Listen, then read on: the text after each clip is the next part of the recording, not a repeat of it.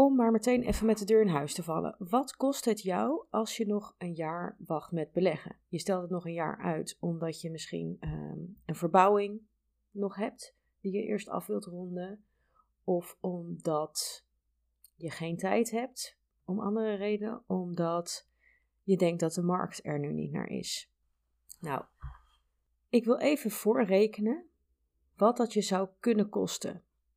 En het is vaak meer dan mensen zich beseffen. Misschien heb je naar mijn aflevering geluisterd over samengestelde rente. Zo niet raad ik je dat ook aan, want daar leg ik het in iets meer detail uit hoe dit precies kan werken.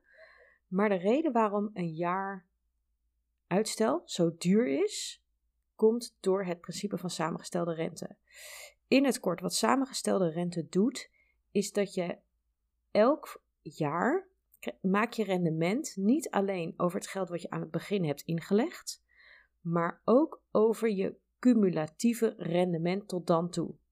Hè? En dat stapelt zich steeds verder op. Dus in jaar 1 zeg je leg 3 ton in, verdien je 10% op 3 ton. Mooi, dat is 30k. Maar na verloop van tijd uh, maak je, pak je 10% rendement op alles wat je tot dan toe al hebt opgebouwd. En dat bouwt door. Dus wat je eigenlijk ziet is dat je winst, je jaarlijkse winst, exponentieel groeit. Waardoor het gros van je rendement in de totale looptijd zich in de laatste jaren afspeelt. En dat is waarom het zo duur is. Dus stel, je hebt nog een, we noemen dat in het Engels vaak een time horizon. Dus eigenlijk een tijdsframe van 30 jaar. Zeg dat je over 30 jaar echt wel met pensioen wil. Nou, waarschijnlijk eerder, of in ieder geval wil je eerder de mogelijkheid hebben om. Maar laten we even die 30 jaar pakken voor het gemak. Dus je hebt 30 jaar de tijd. Als je nu je 3 ton, voorbeeld hè, je belegt nu die 3 ton tegen gemiddeld 10% rendement. En dat is zeer marktconform. Als je bijvoorbeeld kijkt naar wat een market benchmark, de Standard Poor's 500 index, historisch heeft gedaan, is dit nog iets wat conservatief. Um, maar wat doet dat dan? Die 3 ton, 10% rendement jaar op jaar. En dan gaan we het hebben over samengestelde rente. Dus compounding interest betekent je laat dit doorwerken. Je pakt niet tussentijds je winst eruit. Je laat het zitten. Want dat is wanneer het echt lekker gaat werken. Hoeveel denk je dat jouw portfolio dan waard is over 30 jaar? Nou, ik zal je verklappen. Het is geen half miljoen. Het is ook niet 1 miljoen, ook niet 2, het is 6. Jouw 3 ton is vertwintigvoudigd naar 6 miljoen in 30 jaar tijd. Best lekker. En met 6 miljoen kom je een heel eind als het gaat over financiële onafhankelijkheid. Wat kost het je nou als je niet nu start, maar één jaar later? Dan is je tijdsbestek geen 30 jaar meer, maar 29 jaar. Wat is dan het verschil in wat je uiteindelijk hebt? Dus je hebt nu, na 30 jaar heb je 6 miljoen. Wat heb je na 29 jaar? Dat verschil kan toch niet zo groot zijn, zou je zeggen? Ja, je hoort, je hoort al. Ik verander hem even in mijn rekenmachine. Ik heb een uitgebreide uh, samengestelde rentecalculator gemaakt, die alles mee kan nemen wat je maar wil. Uh, dus als je interesse hebt, laat het me weten. De winst waar ik nu op uitkom, als ik alleen maar het tijdsbestek verander van 30 jaar naar 29 jaar, is, nu kom ik niet uit op iets meer dan 6 miljoen, maar op 5 miljoen 450. Dus het winstverschil is meer dan een half miljoen in dit geval. Dus het uitstellen van een jaar kost meer dan een half miljoen. Dus bedenk dat als je denkt van oké, ik zit op, op, op dat geld, ik moet er wat mee. Dat is wat ik vaak hoor. Hè? Mensen hebben best wat vermogen opgebouwd en dat is vaak ook vrij beschikbaar.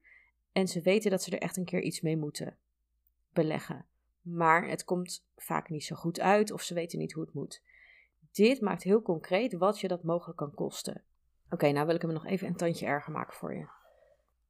Als je niet een jaar, dus een jaar wachten kost je 550k aan winst. Nou, dat is best duur. Best duur, duur jaar, duur jaar, dure verbouwing. Als het een verbouwing is die je tegenhoudt. Als je het nog eens vier jaar uitstelt, dus in plaats van nu beleg je over vijf jaar. Stelt vijf jaar uit, heb je geen 30 jaar meer, maar 25 jaar over. Wat denk je dat dat kost? Nou, dat kost. Dan heb je in plaats van een portfolio van 6 miljoen, heb je nog maar een portfolio van 3,7 miljoen. Dus dat scheelt 2,3 miljoen. Om nog vijf jaar uit te stellen. En dat is wat ik vaak zie gebeuren. Hè? Dus um, mensen weten dat ze er iets mee moeten, maar ze denken dat kan straks ook nog wel.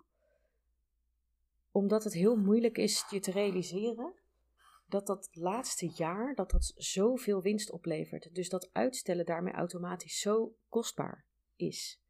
En waarom mensen vaak wachten is om de reden die ik net noemde. Weet je, het komt niet uit. Mensen denken ook vaak dat het heel erg veel tijd kost. Dat het heel erg ingewikkeld is. En dat ze moeten wachten op het juiste moment in de markt. Nou, die dringen uh, kloppen allemaal niet. Dus het hoeft niet heel erg veel tijd te kosten. Wat ik doe met klanten in mijn rente-op-rente traject, is er een soort van initiële tijdsinvestering. Dat je het echt zelf heel goed gaat begrijpen. Maar dat doe ik heel efficiënt. Ik heb dit al heel erg vaak gedaan, dus ik weet precies wat je moet weten om het goed te begrijpen. En ik kan dat customizen aan wat jij al weet en wat jij makkelijk begrijpt, versus wat je nog niet weet of wat je lastiger vindt. Dus doordat het helemaal één op één is, kunnen we dat super snel doen. Dan moet je het up and running krijgen. Dus het kost je een iets grotere tijdsinvestering in het begin om het allemaal up and running te krijgen. En daarna hoeft het je maar één uur, één keer per jaar te kosten. En dat is omdat ik een tool heb ontwikkeld aanvankelijk voor mezelf, maar die gebruik ik nu ook voor mijn klanten. Die geef ik gewoon aan mijn klanten. Waarmee je precies weet wat je moet doen dat ene uur per jaar. En dat binnen dat uur gewoon kunt doen. Dus dat die tool vertelt je gewoon precies wat je moet kopen en verkopen van wat. Om je portfolio gebalanceerd en up-to-date te houden. Dus het hoeft helemaal niet veel tijd te kosten. Daarbij is het niet heel erg moeilijk. Je hoeft geen finance gestudeerd te hebben of een investment professional te zijn om zelfstandig goed te kunnen beleggen. Je moet wel de basisprincipes even leren en dat doe ik je heel graag. Dat heb ik al heel erg veel gedaan. Dat kun jij ook. Als jij zelf een bedrijf hebt kunnen bouwen, dan kun jij dit ook. Jij gaat echt begrijpen wat ik je te vertellen heb. En het is geen hogere wiskunde. Dat beloof ik je. En als je eraan twijfelt, laten we vooral even praten, dan hebben we het erover. Het andere punt is dat mensen vaak denken van ja, maar wat, what about the market? Weet je wel, kijk, dit jaar is een jaar dat het allemaal wat omlaag is. Misschien is het volgend jaar allemaal wat omhoog. Who knows? Uh, en daar zit ook de kern. We weten het niet. En onderzoek heeft ook uitgewezen dat je ook niet heel erg bang hoeft te zijn voor slechte timing. Het interessante is, dus je hebt zeg maar perfecte timing. Je hebt niet investeren, je hebt slecht timing. Uh, en daarbinnen is er ook nog wat te zeggen. Je hebt onmiddellijk investeren. Nou, als je onmiddellijk investeert, dan is er een kans dat je precies het verkeerde moment hebt. Dat je het meest ongelukkige moment ever kiest. En dan nog is jouw winst zoveel groter dan wanneer je niks doet. Aan de andere kant heb je dus die perfecte timing. Die wil iedereen wel. Dus je kan zeggen, nou ja, oké, misschien valt het dan wel mee. Die slechte timing. Maar ja, ik heb liever perfecte timing. Maar perfecte timing is helemaal niet realistisch. Perfecte timing werkt niet. En waarom is dat zo? Als iedereen zou weten wat het beste moment was, als iedereen een bepaalde verwachting heeft van wat het beste moment is, dan gaat iedereen daarop acteren. En automatisch door de dynamiek van vraag en aanbod, worden die collectieve verwachtingen, en dit klinkt misschien een beetje meta, maar worden die collectieve verwachtingen die we hebben over wat de prijs wanneer gaat doen in de markt, al meegenomen in de huidige prijs. Dus als jij denkt dat je het beter weet dan de markt door nog even te wachten, dan denken waarschijnlijk heel veel andere mensen dat ook. En zit eigenlijk die verwachting al in de prijs verwerkt nu door de dynamiek van vraag en aanbod.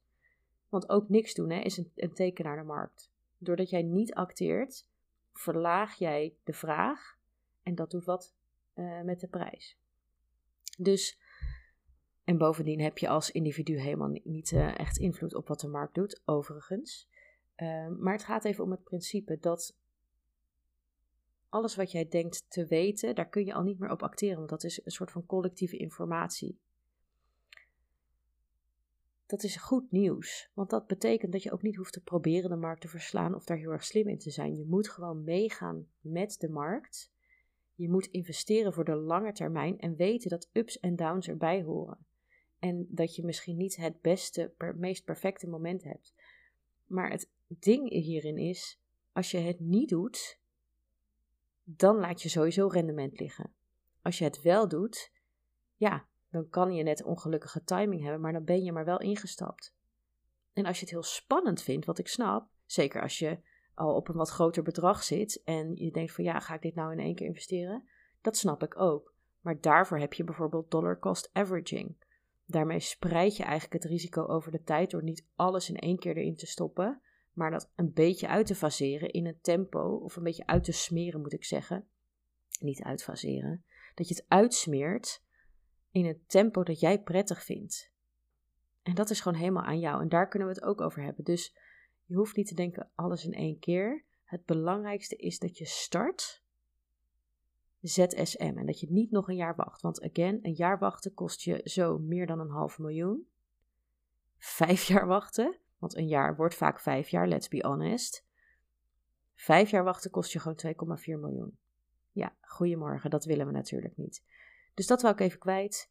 Uh, ik moet nu naar de tandarts. Um, als je er met me over wilt praten uh, en je denkt, jeetje, ik heb hier allemaal vragen over.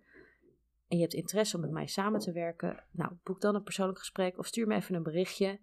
Uh, je mag ook um, de tool van me hebben als je wilt. Die calculator waar ik al deze berekeningen in maak. laat het me ook even weten, dan stuur ik je die toe. Dan wens ik je voor nu een fijne dag en misschien spreek ik je snel. Ciao, ciao!